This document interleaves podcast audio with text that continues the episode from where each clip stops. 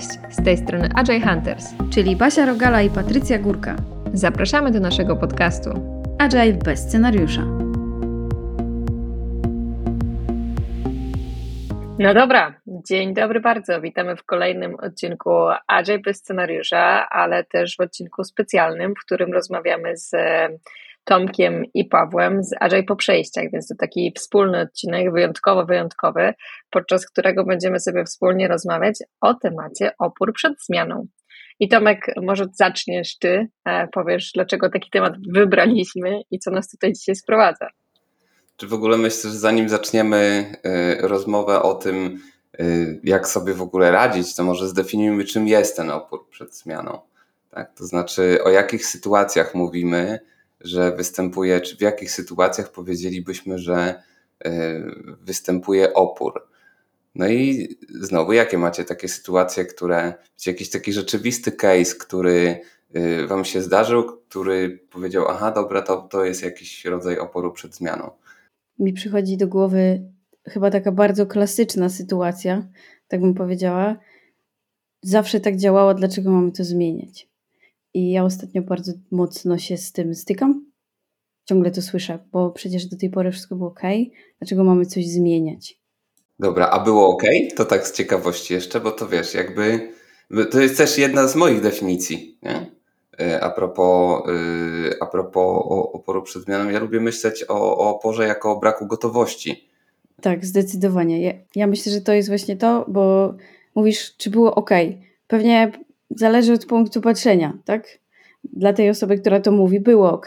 Dla osoby, która próbuje wprowadzić zmianę, na przykład dla mnie to byłam ja, nie było ok, bo jest dużo do zmiany. Zresztą uważam, że zawsze jest coś, co można zrobić lepiej. I ten opór przed zmianą to, tak jak powiedziałaś, jest brak gotowości w tym wypadku, bo ktoś nie ma wiedzy, ktoś e, boi się tej zmiany, nie wie, jakie konsekwencje ta zmiana przyniesie. Dlatego mówi nie, no bo do tej pory działało, więc dlaczego mamy to psuć? Ja to też w ten sposób rozumiem. Czy nie ruszaj czegoś, co nie działa. No pewnie można też tak powiedzieć.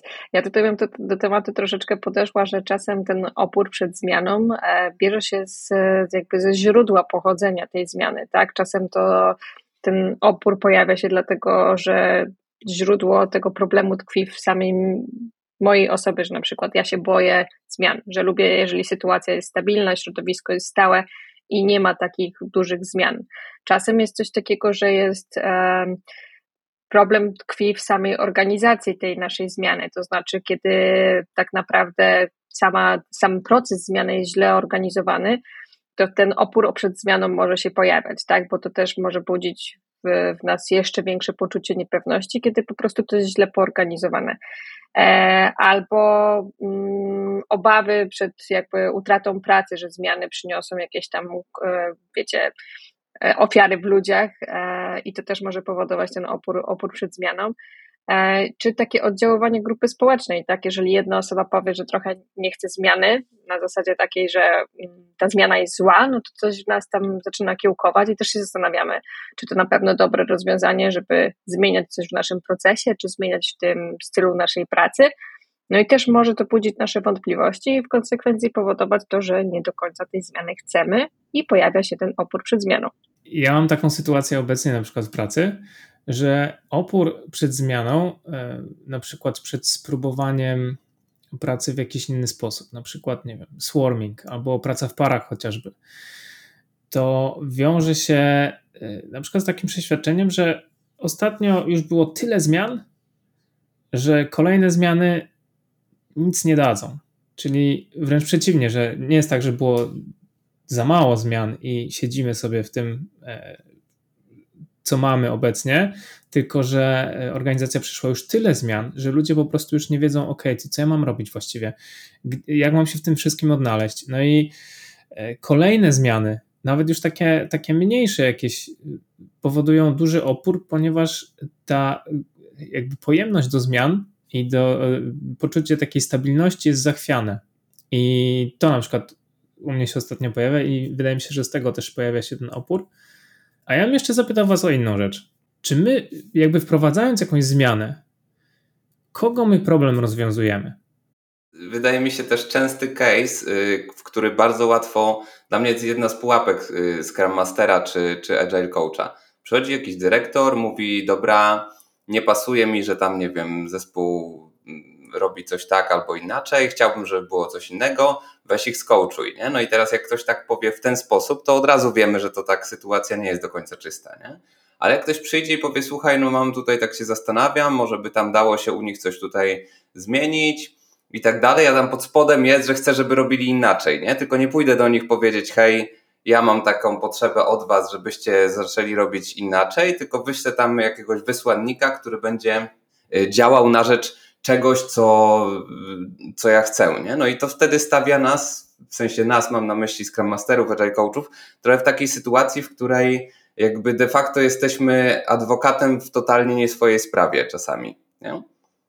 No, jakby ja nie uważam, że zawsze trzeba coś zmieniać. W sensie zawsze da się zmienić. Tu się zgadzam, że jakby zawsze jest coś, co można poprawić, yy, jakby nawiązując właśnie do tego, co powiedziałaś. Natomiast jakby to też nie zawsze trzeba. Nie? No i teraz czasami ten opór jest całkiem zasadny, żeby go wysłuchać. Nie? W sensie, wiecie, jakby zrozumieć, co tam jest i dopiero wtedy jakby zacząć y, zacząć z nim działać. Dobra, dobra, ja trochę wrócę do tego, co Paweł, o co Paweł spytał, że wydaje mi się, że czasem bywa tak, że tak naprawdę nie mamy dobrze zdefiniowanego problemu, że nie mamy dobrze zdefiniowanego celu i próbujemy rozwiązać coś po omacku trochę i to też powoduje ten opór przed zmianą. A jeżeli mm, rozwiązujemy problem, który, nie wiem, stanowi problem większości grupy, całej grupy, całego zespołu, w zależności w jakim setupie pracujemy, i cały zespół um, zdaje sobie z tego sprawę, jaka jest sytuacja i nad czym będziemy pracować i dlaczego będziemy pracować,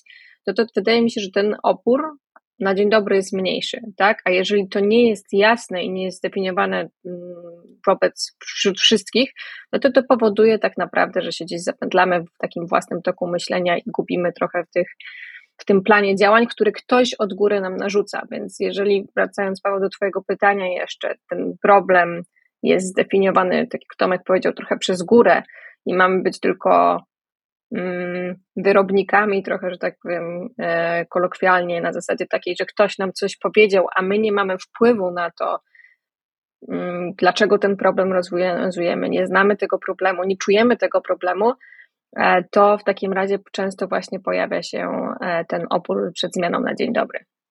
Basia? Ja myślę też, że super ważne jest to, co powiedziałeś, Paweł, jakby w kontekście, że ktoś przychodzi i tam ma swoją wizję. Pytanie, jaką wizję ma ten dół? Y, w sensie myśli to, to osoba, która odbiera, tak? Bo mówimy tam szczególnie o managemencie czy o dyrektorach, którzy przychodzą i mówią, albo przychodzi taki raczej coach, scrum master, mówi teraz będziemy tam, płyniemy na tamtą stronę. Więc wydaje mi się, że to jest też super ważne, że ludzie, co ci ludzie chcą zmienić, bo może być tak, że w momencie, kiedy my przychodzimy z jednym celem, mamy jakieś rozwiązanie i najczęściej to rozwiązanie powoduje ten opór, nie sam proces być może, w sensie ja tak to rozumiem też i tak sobie myślę o tym teraz, że może nie sam proces zmiany daje ten stres, ten, nie wiem, no po prostu ogólnie mówiąc opór, tylko właśnie to ta konkretna rzecz, którą chcemy zmienić, to w co chcemy wsadzić te przysłowiowe 5 groszy i to zrobić. Ale właśnie masz na myśli jakby samo rozwiązanie, czy właściwie tak. sposób, w jaki rozwią- próbujemy.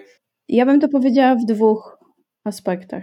I to, i to. I to, i to. Czyli jakby masz konkretny pomysł, co zrobić z tym, co trzeba zmienić, i wiesz, jak to zrobić, tak? Czyli przychodzisz, dajesz konkretny plan, mówisz, tam na końcu jest to, na początku jest to, będziemy szli w ten sposób i tak dalej.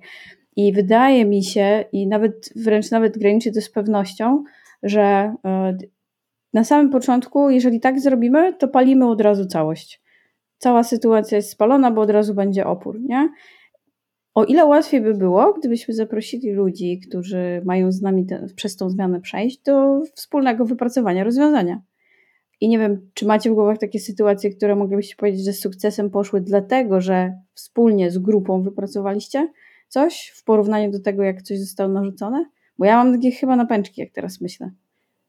Chciałem się odnieść jeszcze może do tego, zanim wypracujemy już rozwiązanie ja lubię z zespołem czy z grupą skupić się na tym, czy faktycznie my rozumiemy ten problem, który chcemy e, rozwiązać. To znaczy, miałem takie sytuacje, że nie wiem, e, szkolenie nie wiem, z Kanbana, chcemy spróbować czegoś, jakby zmapować sobie flow, później podzielić, e, stworzyć e, kanbanową tablicę i tak dalej. Mówimy o tym, ok, pull versus push.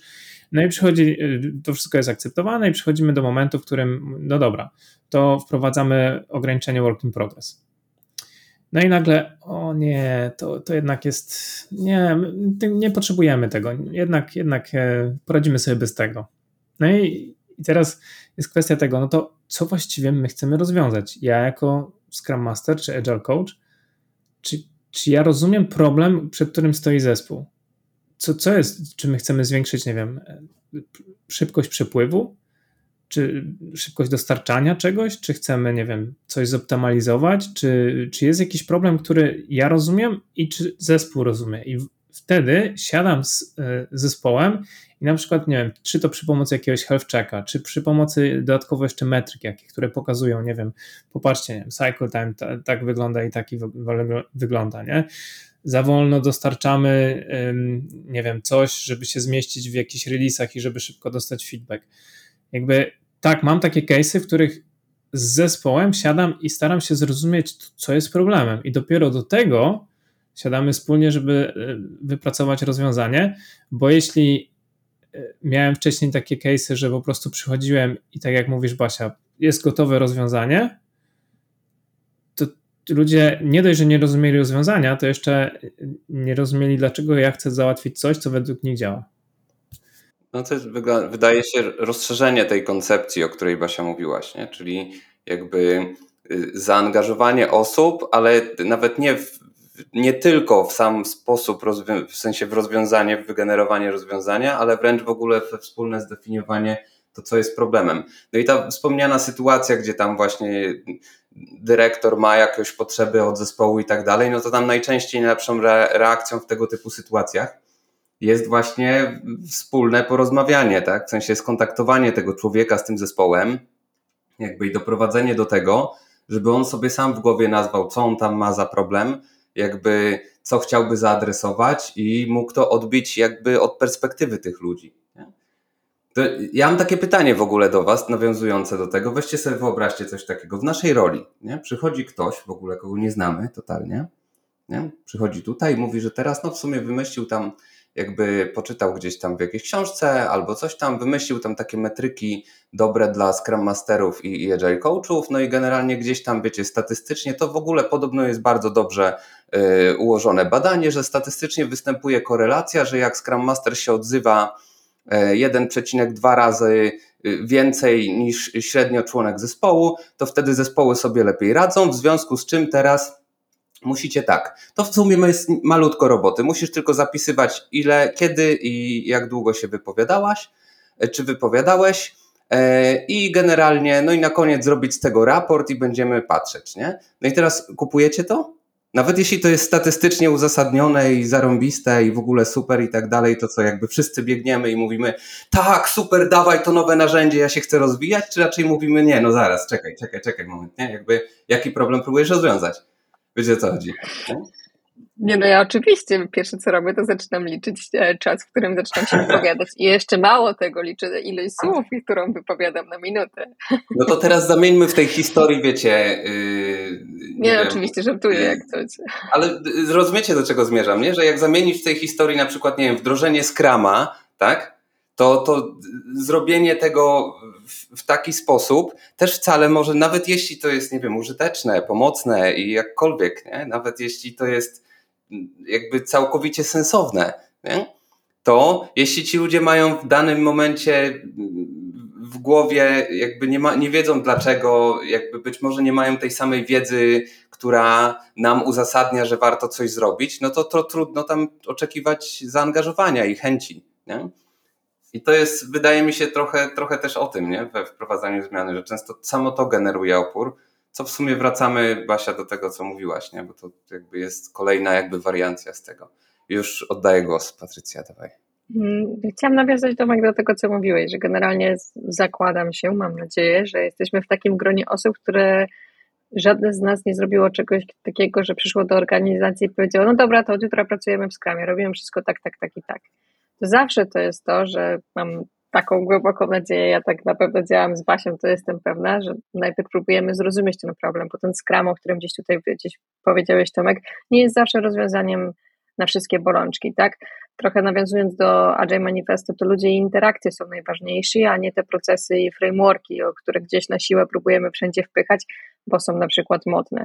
Tak więc ja zawsze wychodzę z założenia, że trzeba najpierw poznać, zdiagnozować ten problem, porozmawiać wspólnie i tutaj ta komunikacja dla mnie jest zawsze kluczem praktycznie do rozwiązywania wszystkich bolączek i problemów, bo jeżeli sobie o czymś porozmawiamy, zdefiniujemy sobie ten problem, wiemy jaki ten problem jest, wspólnie określimy jakiś nawet ramowy plan działań, czy określimy, że chcemy w ogóle pracować nad tym problemem, bo czasem jest tak, że jest problem, zdajemy sobie sprawę z tego, że on jest, ale celowo odkładamy rozwiązanie tego problemu, bo są inne rzeczy bardziej palące, a to sobie gdzieś kolejkujemy.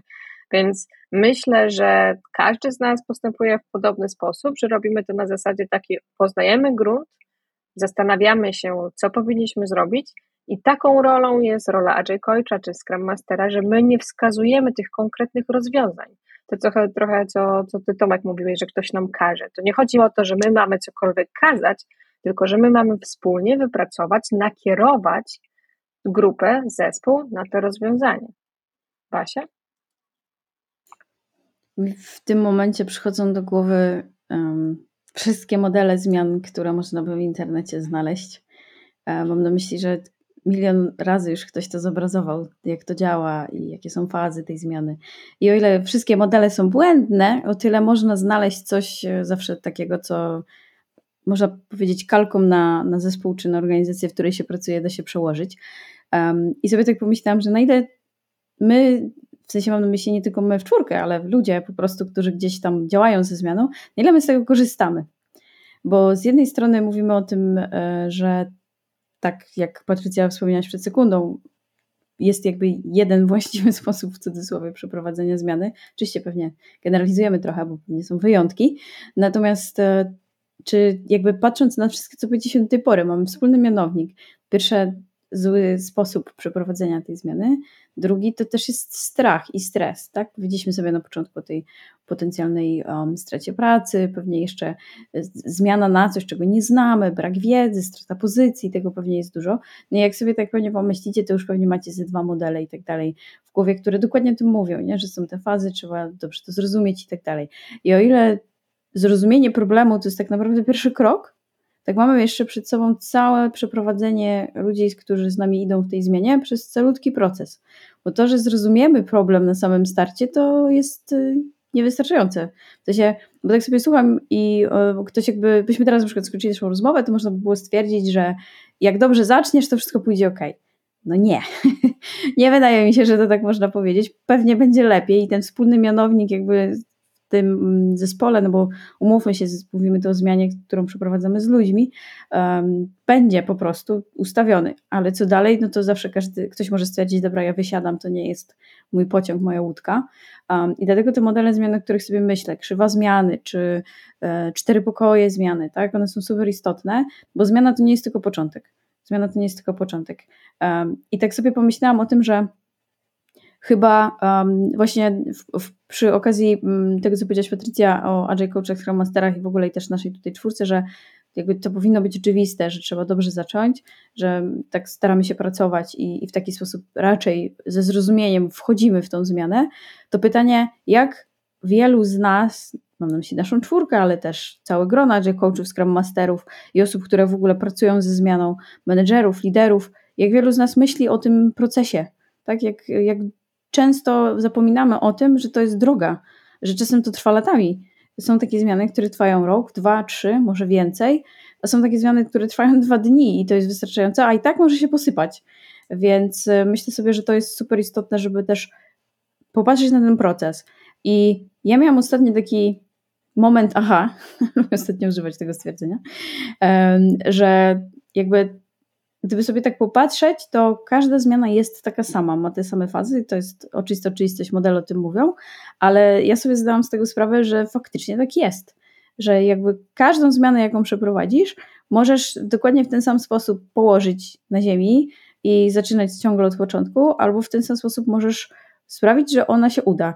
I miałam taką sytuację w ostatnim czasie w, w mojej firmie, gdzie były przeprowadzane w odstępie tam plus minus tam kilku miesięcy, nie wiem, 7, 8, coś koło tego, dwie zmiany, które były wręcz bliźniacze. Dosłownie bliźniacze. Dotyczyły podobnych struktur, były w, w innych obszarach organizacji, ale jakby tak popatrzeć bez um, merytorycznego kontekstu, to było to dokładnie to samo. I dokładnie tak samo zostało e, położone. Początek był fajny, ale potem wszystko po prostu legło, bo nie było procesu, bo nie było planu. Moim zdaniem plan to jest słowo klucz też przy zmianie. E, nie było żadnej e, popularnej w project managementie mitygacji ryzyk, tak? W zasadzie co może pójść nie tak, kogo trzeba zabezpieczyć. Jak sobie tak pomyślimy, ja też tak wracam e, do tyłu jeszcze w sytuacjach, w których e, gdzieś tam było bardzo trudno przy okazji tej zmiany, to to były te kluczowe momenty, które do dzisiaj ludzie pamiętają, tak? Że coś było źle, że coś zostało położone i tak dalej. A nikt nie pamięta tego, że ktoś to dobrze wyjaśnił na samym początku. Nie wiem, czy macie podobne podejście. Ja mogę tylko w sumie się zgodzić. Cóż, cóż mogę powiedzieć? No, obecnie też jestem w takiej firmie, w której jest duża zmiana. Kolejna w ciągu ostatnich dwóch lat reorganizacja, duża, duża zmiana strukturalna sposobów pracy. E, jak gdzie, gdzie wcześniej, nie wiem, jakiś bardziej taki safe, teraz jakieś tribowe struktury i jakiś big group planning zamiast PI planning E, ciekawe e, i patrzę sobie na to, jak ta zmiana jest komunikowana e, i ile generuje oporu i takiego poczucia takiej, takiej beznadziei po prostu wśród pracowników. Jest, mimo że ta zmiana wydaje się być świetnie komunikowana, to znaczy spotkania są praktycznie co tydzień z managementem, z top managementem, którzy tłumaczą, że teraz będzie lepiej a mi cały czas brakuje e, jednak czegoś takiego, no to, to po czym poznamy, że będzie lepiej? To jaki problem? Co, co nie działało wcześniej, że teraz mamy to rozwiązać, nie? Jakby, no wracam do tego, jakby tego problem statement, nie? Jakby i tego poczucia takiego sense of urgency, bo ja lubię na przykład Kotera i jego zarządzanie zmianą i, i tam jest to sense of urgency, no, że trzeba wytworzyć w ludziach jakieś takie zrozumienie, że no ta zmiana jest potrzebna, bo, bo, bo coś, coś, y, coś jest nie, nie tak, na przykład, coś y, tracimy, albo można coś robić lepiej i coś nam umyka. I tego brakuje najczęściej w tej komunikacji, wizji tej zmiany na początku, moim zdaniem. I jednocześnie zgadzam się z Basiu z Tobą, że teraz to widzę jasno, że są slajdy, nie ma szczegółów. Ludzie się pytają, no to co z szczegółami? Będą. Kiedyś pracujemy nad tym. Jakby nikt tego nie przygotował wcześniej, że yy, przecież oczywiste będzie, że są pytania, że pojawią się pytania, takie szczegóły. Super, zmiana dotyczy kilku tysięcy osób, to jak to dotyka mnie? Co się dla mnie zmieni? Jak się zmieni moje najbliższe otoczenie? Nie ma planów. Pracujemy nad tym. Może kiedyś. I ludzie żyją w tej niepewności, taka jest aż yy, no wręcz atmosfera jak nożem kroić. Ja myślę sobie, że yy tak jak mówisz o tym, że brakuje szczegółów, to jest tak super istotne dla każdego pojedynczego człowieka, nie? że ja bym chciał wiedzieć, co jest ze mną w tym wszystkim, gdzie ja jestem w tej całej układance. Nawet jeśli to są tysiące osób, to właśnie to, gdzie ja jestem na tej drodze. I um, każdy będzie to pytał, bo każdy chce wiedzieć, co, co z nim będzie. I to znów wracam do tego, co powiedziała Patrycja, czy zwolnią mnie, czy coś tam, czy może, nie wiem, będę zdegradowany, zdegradowana. Pytań jest mnóstwo i przychodzi mi do głowy jedna super istotna rzecz. W zmianie nie pracujemy z masą, tylko z pojedynczymi osobami. I ten opór nie wynika z masy, tylko z konkretnej osoby, z jej konkretnych przeżyć, z jej konkretnych potrzeb itd. Itd. I yy, chyba jakby to najczęściej jest coś, o czym zapominamy, że opór nie jest generowany przez coś tam niewidocznego w tle, przez jakiś zespół, który się skumał i powiedział, teraz będziemy oporem tutaj, tylko przez konkretną osobę i jej y, potrzeby. Przez konkretną osobę i jej potrzeby. Jeśli zapewnimy tej osobie odpowiedź na jej pytania, nawet jeśli to nie będzie klarowne i czyste i takie wiecie, że tam super wszystko wiem i już na pewno będę ambasadorem zmiany, to na pewno jesteśmy w stanie dużo więcej wygrać dzięki temu, jeśli przekonamy tą osobę do tego, że ona jest bezpieczna, że jej potrzeby zostaną zaadresowane, ale nie kiedyś nigdy, tylko w konkretnym czasie jest na to jakiś plan. No i znów plan, tak? Czyli konkretna osoba, zapewnienie, że jej potrzeby są zaopiekowane i, i plan na to. I tak sobie pomyślałam, e, Paweł, o tej zmianie, o której ty powiedziałeś, że jakby ktoś pomyślał i właśnie zabezpieczył konkretne osoby, nawet przy takiej wielkiej zmianie to pewnie bardziej kwestia grup, a potem rola liderów i menedżerów, żeby zaopiekować już, już konkretne indywidua, to, to pewnie większość osób by spokojnie przez to przeszła, nie byłoby tej atmosfery do krojenia nożem. Przemawia do mnie to, co powiedziałaś o tym, że, że to jest praca zawsze z ludźmi. Nie? Czy, I jakby z mojego doświadczenia to często po prostu wystarczy wysłuchać. Nie? Tam jakby ten, wiecie, żeby mieć opór, to też trzeba tam trochę energii wydatkować. To, to jakby to się z niczego nie bierze. Nie? W sensie, jakby tak domyślnie powiedzieć, jaki jest ten poziom taki, taki domyślny, no to większość osób raczej będzie miała takie, no, no spoko, jeśli to jest zmiana, która nie wiem, mnie nie boli, mi nie przeszkadza, czy coś tam, no to czemu miałbym temu przeciwdziałać jakoś? Nie? Natomiast no, jeśli występuje jakiś efekt oporu, czy jakiś element E, element oporu, no to prawdopodobnie jakby on jest w wyniku czegoś. Nie? No i teraz poznanie tego czegoś może bardzo często poprawić wręcz yy, samą tą propozycję zmiany. Nie? W sensie może ten człowiek widzi ryzyko, którego po prostu nie widzimy, tak? Yy, I w efekcie końcowym jakby uwzględnienie jakby jego nie tylko załatwia jakby potrzebę jakąś tam emocjonalną wyrażenia siebie i tak dalej, ale też całkiem realne potrzeby organizacji związane na przykład ze skutecznością działania, nie? Bo nie wiem, bo on widzi, że, że coś tam nie zadziała, dlatego że na przykład jest blisko danego tematu, nie? Więc jakby no chyba nic mi nigdy nie, nie zrobiło tak, yy, tak dużej pomocy, jak po prostu takie rzeczowe usłyszenie, co jakie ktoś ma obiekcje w stosunku do zmiany. Bo, bo wtedy na to można spróbować jakoś odpowiedzieć. Nie? Albo czasami po prostu odpowiedzieć, słuchaj, to nie zostanie zaadresowane. Nie? W sensie jakby tak najnormalniej w świecie po prostu jakby nie ma co tego zakładać, no bo to akurat nie, nie będzie zaadresowane i to już też czasami po prostu pomaga, nie? Bo, bo już ktoś nie, nie tkwi w paraliżu jakimś decyzyjnym czy, czy wątpliwościach, tylko po prostu ma jasność, że nie wiem, pewne rzeczy po prostu nie będą zrobione albo coś w tym stylu. Nie? E, Patrycja, chciałaś coś powiedzieć wcześniej, wydaje się. Tak, chciałam trochę nawiązać do tego, że tutaj Paweł mówił o kilkutysięcznej zmianie. Basia mówiła też, że to najczęściej jest praca z pojedynczą jednostką, która gdzieś tej zmiany się boi i ten opór się pojawia.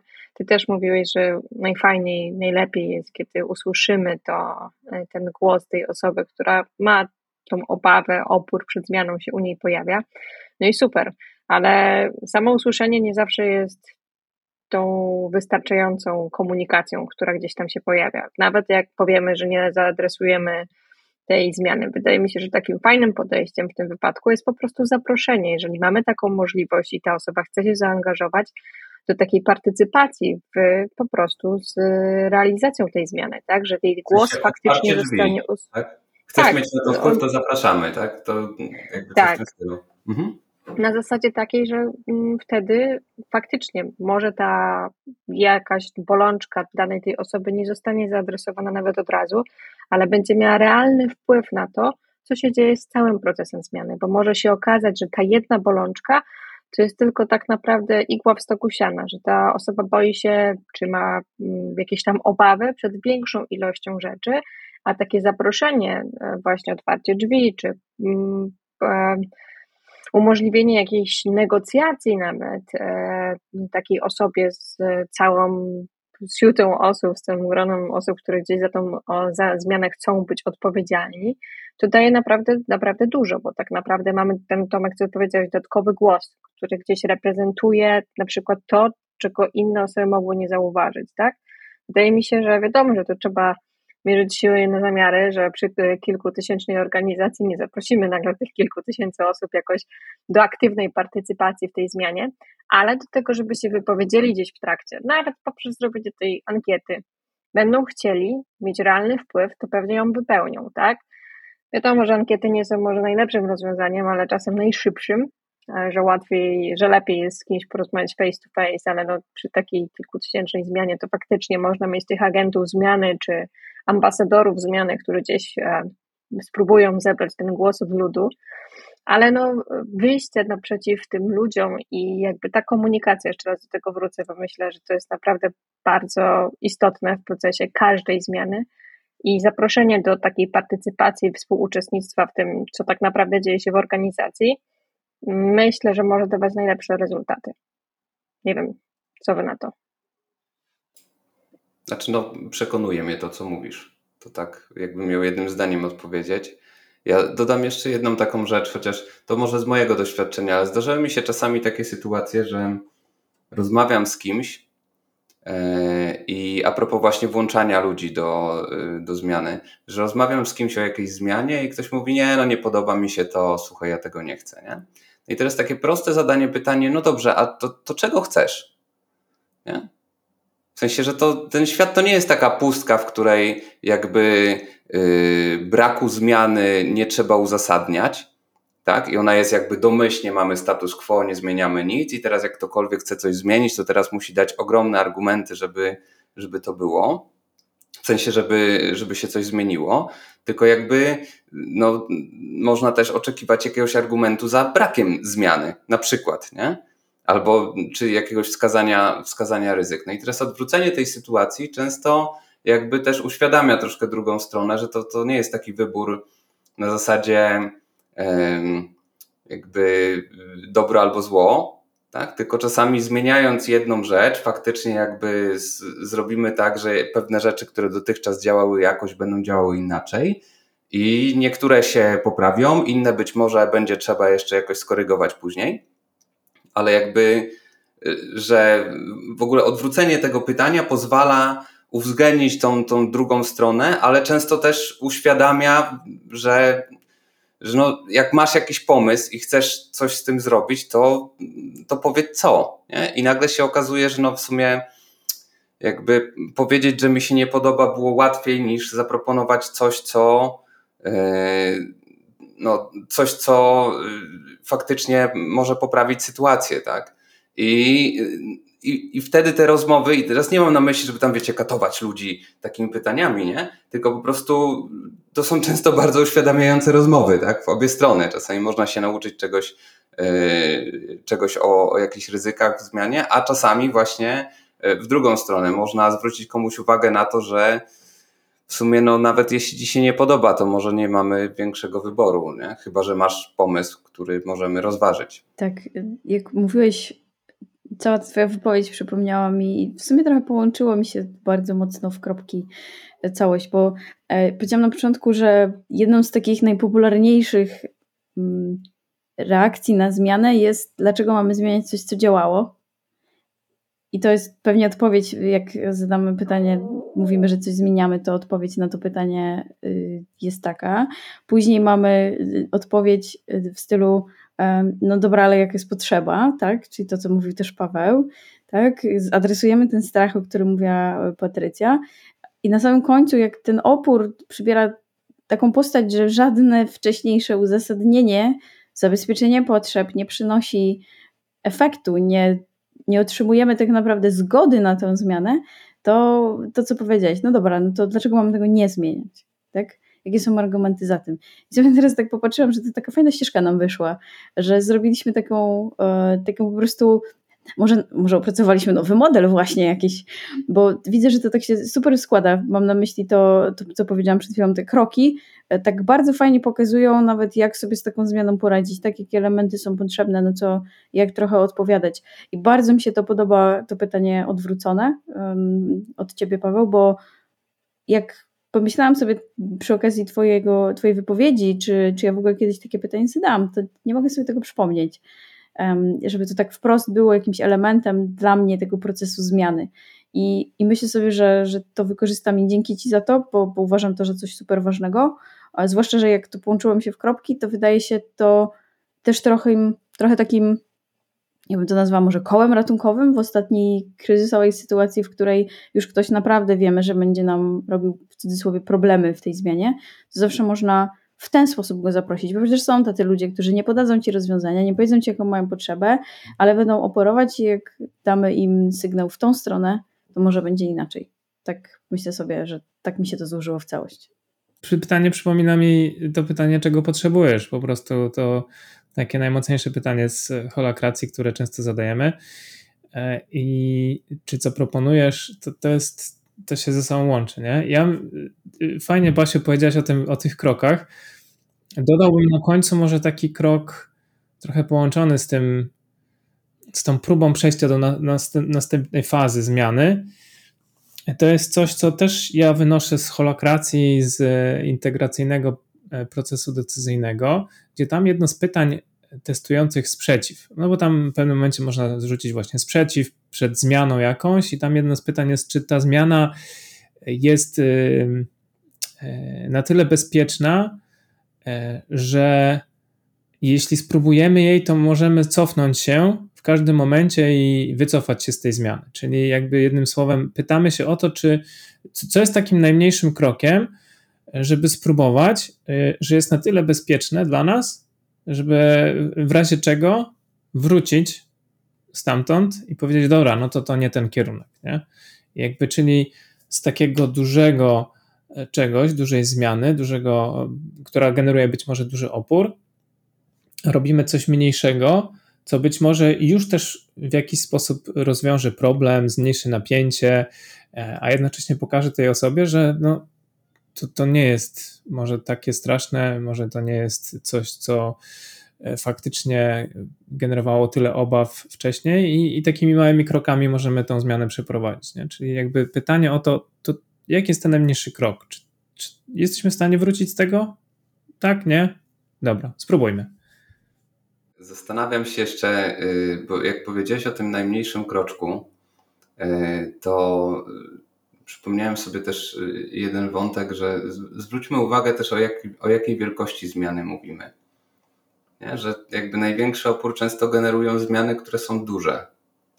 Ja mam trochę czasami takie wrażenie na temat wiem, organizacji, z którymi pracuję, że tam jakby wiecie, mała, drobna zmiana, która może dużo zmieni, nie robi takiego wrażenia jak zreorganizowanie całej struktury firmy i w ogóle wywrócenie wszystkiego do góry nogami.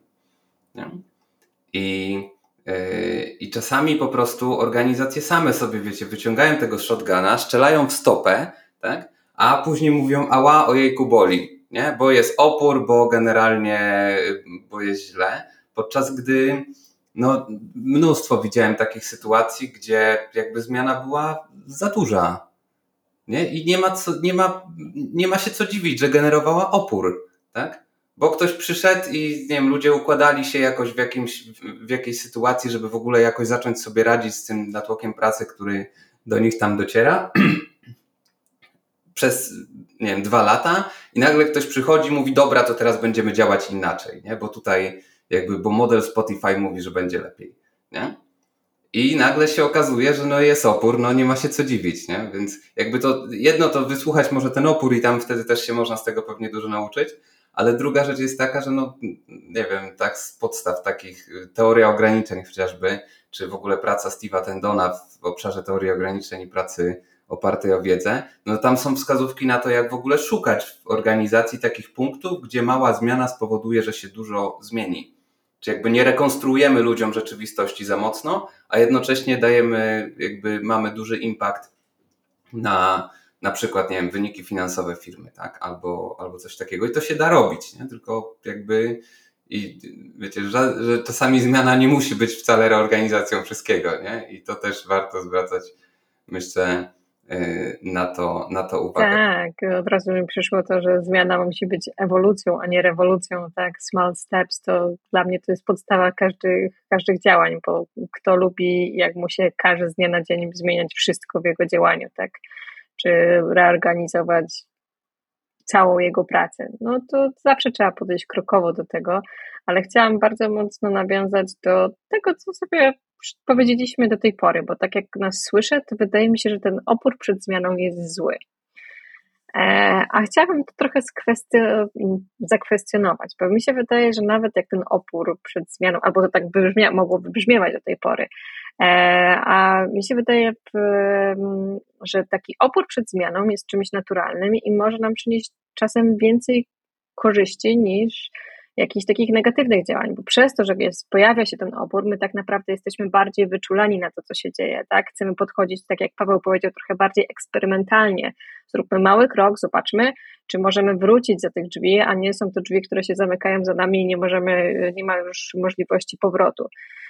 Piesne mm, wrota, które się zamykają i znikają. To nie chodzi o to, żeby to tak działało, tylko właśnie chodzi o to, żebyśmy ten opór przed zmianą wykorzystali do tego, żeby dostosować ten plan, o którym Basia mówiła, do tego, żeby on faktycznie spełniał, realizował tą zmianę, ale jednocześnie był nie na zasadzie takiej, że odgórnie mówimy, że ta zmiana ma tak wyglądać, tylko był dostosowany do tego, co tak naprawdę ludzie potrzebują. Więc nie wiem, czy wy uważacie, że opór przed zmianą jest zły? Nie. Kręcimy głowami. Nie, ale, ale czasami, w sensie, wydaje mi się, że to jest tak, że opór przed zmianą jest trochę jak takie, nie wiem, y, tarcie toczne, czy jakby, wiecie, tak jak w samochodzie, nie? No w sensie, czy, czy, opór, czy opory powietrza, albo opory tam, wiecie, kół y, jadących po, po drodze, czy to jest dobre, czy złe. No, do czasu, dopóki nie musisz zahamować, pewnie złe, nie? Ale czasami się przydaje, jak tam, nie wiem, ten opór przy tarczach hamulcowych e, spowoduje, że, że jakby mamy więcej wpływu na to, kiedy samochód się zatrzyma, no to, to w sumie jest dobre. Wydaje mi się, że trochę tak jak, wiecie, ta metafora noża, nie? że można sobie nożem pociąć ręce albo zrobić kanapki, no tak samo jest trochę tutaj z oporem, że to często zależy bardziej od tego, jak my korzystamy z tego, że jest opór, jak my się potrafimy z nim zrelacjonować, nie? a nie jak, a nie po prostu czy on tam jest, czy nie, no bo jakby naturalnie zawsze będzie, no każda zmiana status quo będzie generowała opór, czy tego chcemy, czy nie. No, natomiast bardziej tam o tym właśnie, czy to, czy go wysłuchamy, czy jakby, czy, czy w jakiś sposób nie mam lepszego słowa, ale jakby, no o, mam lepsze, wykorzystamy tak? ten, ten opór, skorzystamy z jego obecności, czy może będziemy z nim walczyć? Nie? No bo teraz pytanie, co nam da opór do oporu? Nie? No i myślę, że to jest trochę o tym, nie? że bardziej o tym, jak wykorzystamy, a nie o tym, czy, czy opór jest zły, czy, czy dobry. Jak tak słucham, to pomyślałam, że to jest chyba perfekcyjne podsumowanie naszej całej rozmowy. Tak pięknie przeszliśmy do tego. Um, według mnie to, to właśnie to opór zawsze może przynieść złe, ale może też przynieść dobre, um, bo pewnie to zależy od tego, jak cały ten opór wygląda, jak się go przeprowadzi z grupą, tak? No bo to też trzeba wypracować sobie rozwiązanie na to. czasem można go zostawić, po prostu on będzie, albo zatrzymać całą zmianę, więc to też tak jak E, mówisz o tej metaforze z hamulcami, to bardzo do mnie przemawia, e, bo to jest coś, czego w sensie nie słyszałam wcześniej, a z drugiej strony jest to tak oczywiste, że aż i proste, że aż um, gdzieś tam robi, uh, robi dobrze w głowie. Um, opór, tak jak sobie powiedzieliśmy, ma wiele przyczyn. Może z, zrobić z, na, z organizacją, z całą zmianą bardzo dużo i jednocześnie wydaje mi się, że uh, jest potrzebny. Po prostu jest potrzebny, bo i zawsze występuje, to chyba nawet można to tak jeszcze powiedzieć, um, że jakby nie ma zmiany bez oporu, ja bym to tak powiedziała. I, i ta zmiana dzięki temu oporowi um, zawsze może być gdzieś tam przemyślana, zawsze możemy odpowiednio zabezpieczyć, bo gdyby nie było oporu, pewnie te zmiany by tak bardzo bezrefleksyjnie były wprowadzane, no bo tak sobie wyobrażam taki świat, organizację, zespół, który tak przyjmuje po prostu ten opór i w sensie zmiany, nie opór, przyjmuję tą zmianę, to się dzieje i cały czas jesteśmy w czymś innym, bo ciągle ktoś eksperymentuje na nas. I myślę, że to jest niemożliwe w ogóle do osiągnięcia, ale to byłoby pewnie fatalne. I wtedy liderzy mówią: Ojejku, jakich mamy biernych ludzi w organizacji, wszystko co powiemy, to oni od razu robią. Jakby no, jak teraz Dokładnie. mi się skojarzyło, że jakby wyglądał taki świat bez oporu, no i prawdopodobnie jakby tam byłoby jeszcze więcej problemów nie? Niż, niż z tym oporem. Słuchajcie, myślę, że tym miłym akcentem możemy lądować. Bardzo inspirująca rozmowa i myślę sobie, że jak patrzę teraz na to, co się dzieje w moim codziennym świadku z różnymi elementami zmiany, to wyciągam z tej rozmowy elementy, które być może na, na dzisiaj od razu pójdę i spróbuję, przetestuję, zaaplikuję. Um, metafora z hamulcem ze mną na pewno zostanie. więc, więc dzięki za to. Um, może zanim zamkniemy całkowicie, to może powiedzcie też chłopaki, jak um, można się z Wami skontaktować. My za chwilę dodamy pewnie też od siebie i w jakich tematach też chętnie e, działacie. Y, nasi słuchacze też pewnie um, szukają takich osób jak, jak Wy w roli mentorów, więc może to też jest okazja do autoreklamy. Super. E, to można nas znaleźć głównie na LinkedInie. E, Agile po przejściach. E, Paweł Sojkowski, Tomek Feliksik, my publikujemy tutaj. Obecnie filmiki znajdują się na profilu Fundacji Zwinność na YouTubie, a na Spotify mamy też nagrania. Także szukajcie nas chyba głównie na LinkedInie. Można pogadać o tematach związanych z flow, z, z zajętością i jak z tym sobie radzić, z decyzyjnością, z organizacją e, struktury firmy, tak żeby była jak najbardziej zgodna z przepływem wartości. Tomku, coś jeszcze? No, ja myślę, że możemy w ogóle wrócić do tego punktu, gdzie e, jak Paweł zaczynaliśmy Y, nagrywać, to, to pamiętam naszą rozmowę, w której mówiliśmy, że jakby to, ten nasz obszar działania to często skupia się wokół właśnie tego, tego obszaru organizacji, ale tak bardziej całościowo. Tak? W sensie, że jakby wydaje mi się, że mamy y, na rynku, czy mamy w dzisiejszym świecie agile'owym bardzo, bardzo dużo osób, które są w stanie pójść i zrobić świetną robotę z zespołami bezpośrednio, Natomiast y, jakby ten taki obszar specjalizacji, który nam przyświecał w ogóle w momencie, kiedy zaczynaliśmy nagrywać podcast, to był właśnie ten obszar pomiędzy zespołami, że to czasami tam jest y, największa trudność. No i to dotyka wielu różnych rzeczy, o których Paweł już wspomniałeś, tak? czyli decyzyjność, jakby jak ułożyć odpowiedzialności e, w organizacji tak, żeby zespoły nie, nie nadeptywały sobie na, na stopy czy, E, czy na napięty. E, I no myślę, że to jest taki, to jest taki kierunek, który jeśli ktoś ma jakieś pytanie, zapraszamy serdecznie, zawsze chętnie porozmawiamy. Tak sobie myślę, że dobrze wiedzieć, bo będziemy się z Basią pewnie odzywać.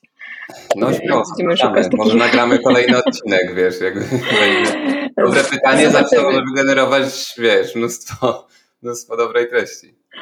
Zobaczymy, tak. E, dzięki bardzo za to. E, nasz z Basią można znaleźć też na LinkedInie, można znaleźć nas na naszej stronie internetowej ajhunters.com albo pl.